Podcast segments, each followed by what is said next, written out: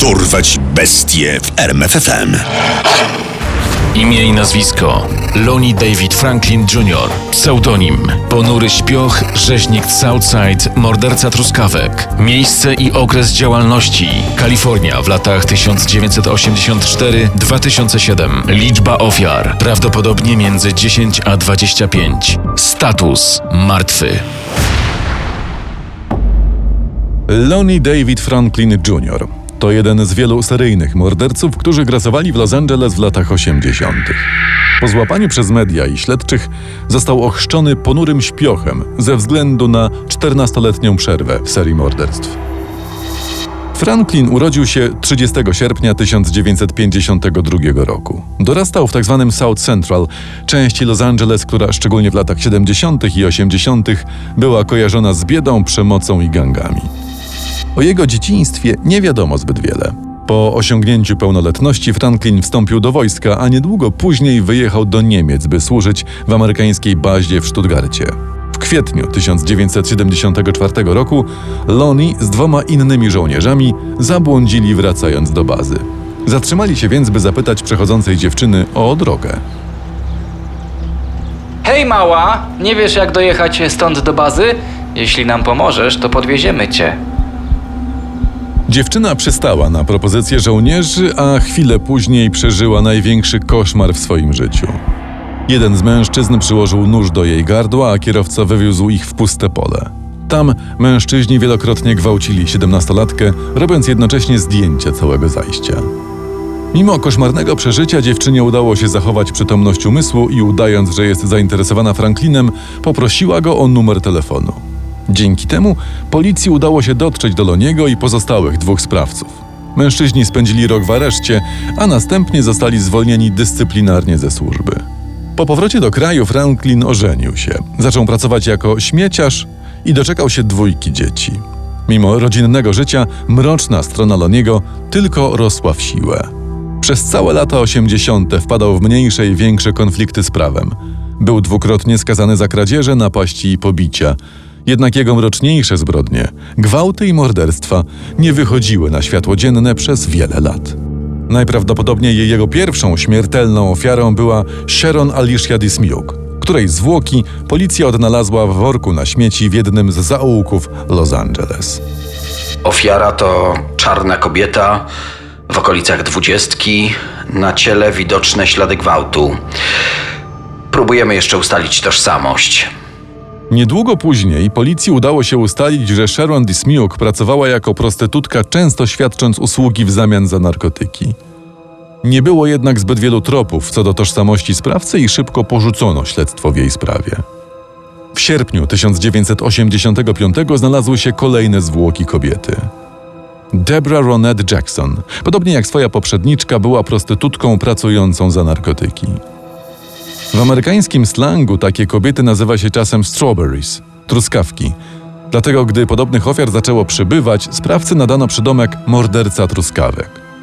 Rok później truskawkowy morderca uderzył ponownie i to dwukrotnie. 12 sierpnia znaleziono zwłoki Henrietty Wright, a 14 ciało Thomasa Sylwestra Steela. Steel to jedyny mężczyzna, o którego zabicie podejrzewa się Loniego Franklina Jr. Choć nigdy nie zebrano wystarczających dowodów, by udowodnić mu te zbrodnie, to Steele był dobrym znajomym Wright. Prawdopodobnie poznał tożsamość truskawkowego mordercy i dlatego musiał zginąć. W połowie lat 80. policja postanowiła wreszcie na poważnie zająć się sprawami zaginionych i martwych czarnych prostytutek. Początkowo uważano, że za wszystkimi sprawami stoi jeden sprawca, którego określano rzeźnikiem z Southside. Liczba ofiar potencjalnego rzeźnika w roku 85 sięgała kilkunastu osób. We wrześniu policja podczas konferencji prasowej poprosiła o pomoc cywili. Szanowni Państwo, żeby ująć rzeźnika z Southside, potrzebujemy wsparcia lokalnej społeczności. Musicie nam zaufać, zacząć z nami rozmawiać. Co więcej, za informacje prowadzące do jego zatrzymania oferujemy nagrodę. Po konferencji policja spotkała się jednak z falą krytyki. Dlaczego potrzeba było aż kilkunastu kobiet, by wreszcie zainteresowano się sprawą? Przyczyną opieszałości była prawdopodobnie tożsamość ofiar, które w większości były uzależnionymi od narkotyków czarnymi prostytutkami, w imieniu których nikt nie szukał sprawiedliwości. Mimo tego śledztwo w końcu ruszyło pełną parą. Szybko okazało się jednak, że sprawa nie będzie prosta.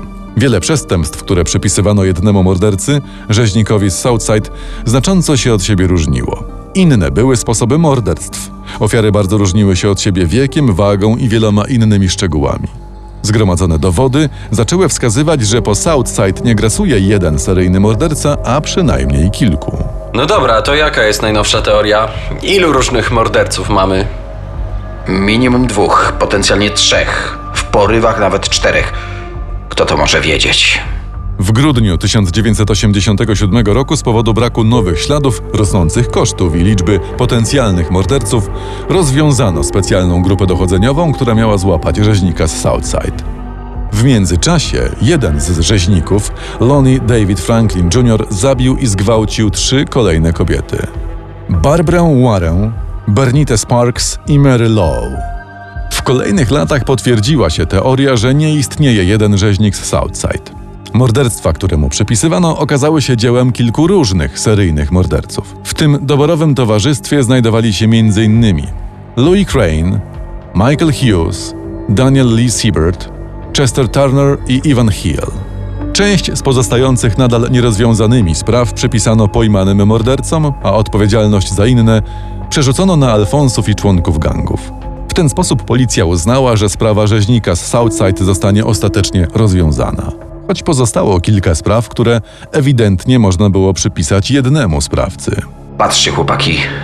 Wszystkie kobiety z tych akt zginęły z tej samej broni, kaliber 25.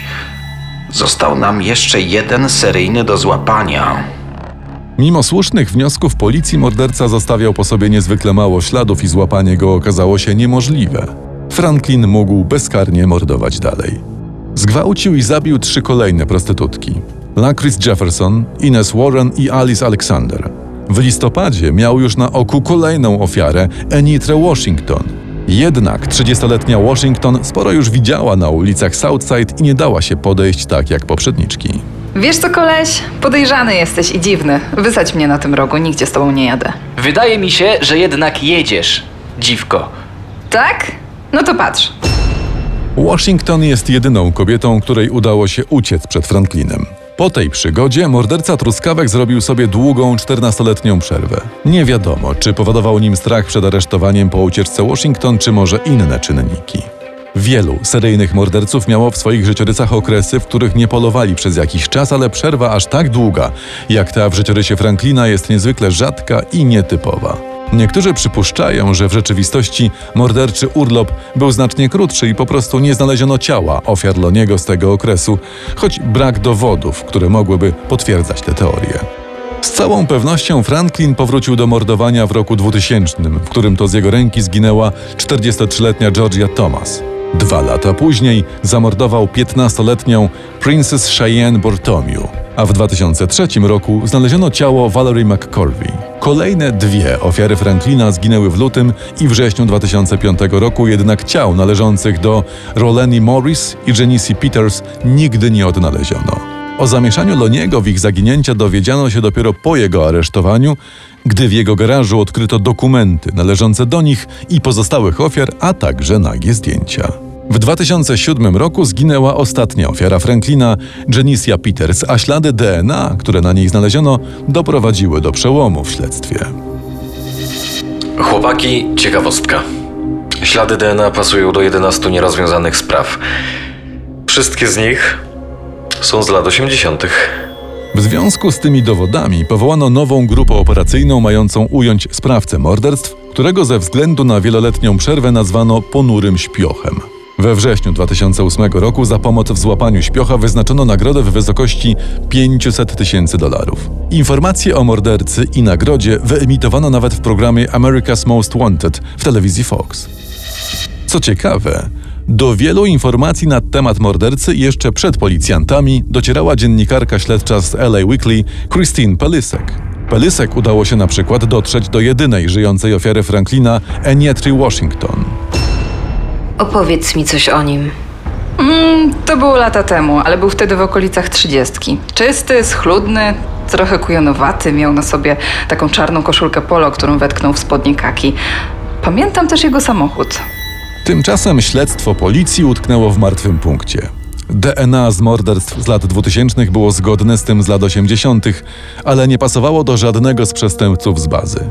Wtedy jeden z techników wpadł na nietypowe podejście i zaproponował przeszukanie danych pod kątem mniejszej zgodności, tak by móc sprawdzić, czy morderca nie jest krewnym któregoś z przestępców znajdujących się w bazie. W ten sposób znaleziono częściową zgodność z DNA Christophera Franklina, syna Loniego, który w 2008 roku został aresztowany za nielegalne posiadanie broni. Christopher był co prawda za młody, by popełnić przestępstwa w latach 80., ale jego ojciec Lonnie pasował niemal idealnie na podejrzanego. By ostatecznie potwierdzić tę teorię, jeden z policjantów zaczął pracować pod przykrywką jako kelner w ulubionej pizzerii Loniego. Co podać? A, pan jest nowy! To co zwykle, pizzę z szynką i ananasem. Na zapleczu kelner policjant zabezpieczył naczynie i brzegi pizzy jedzonej przez Franklina. Badania śliny dały śledczym ostateczne potwierdzenie. Za nierozwiązanymi morderstwami rzeczywiście stał Lonnie Franklin Jr., obecnie mechanik, w latach 80. śmieciarz, o którym wszyscy sąsiedzi mówili, że jest spokojnym, rodzinnym człowiekiem. Lonnie Franklin Jr. został aresztowany 7 lipca 2010 roku. W jego domu znaleziono dokumenty i ponad tysiąc nagich zdjęć i filmów z kobietami, które zgwałcił i zamordował. Niektórych z tych kobiet do dziś nie udało się zidentyfikować. Mimo ogromu materiału dowodowego z domu Franklina, nie dało się udowodnić mu wszystkich zbrodni, o jakie był podejrzewany. Dlatego postawiono mu zarzut 10 morderstw i jednego usiłowania zabójstwa. Proces po długim postępowaniu wstępnym ruszył aż 6 lat po aresztowaniu mordercy 16 lutego 2016 roku. 5 maja tego samego roku Lonnie Franklin Jr. usłyszał wyrok.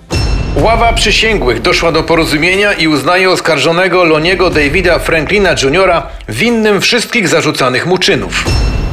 W czerwcu 2016 roku ogłoszono wymiar kary śmierć. Lonnie nie doczekał jednak wykonania wyroku. 28 marca 2020 roku został znaleziony martwy w swojej celi. Mimo dokonania sekcji zwłok do dziś nie ujawniono przyczyny jego śmierci. Poznaj sekrety największych zbrodniarzy świata. Dorwać bestie w RMFFM.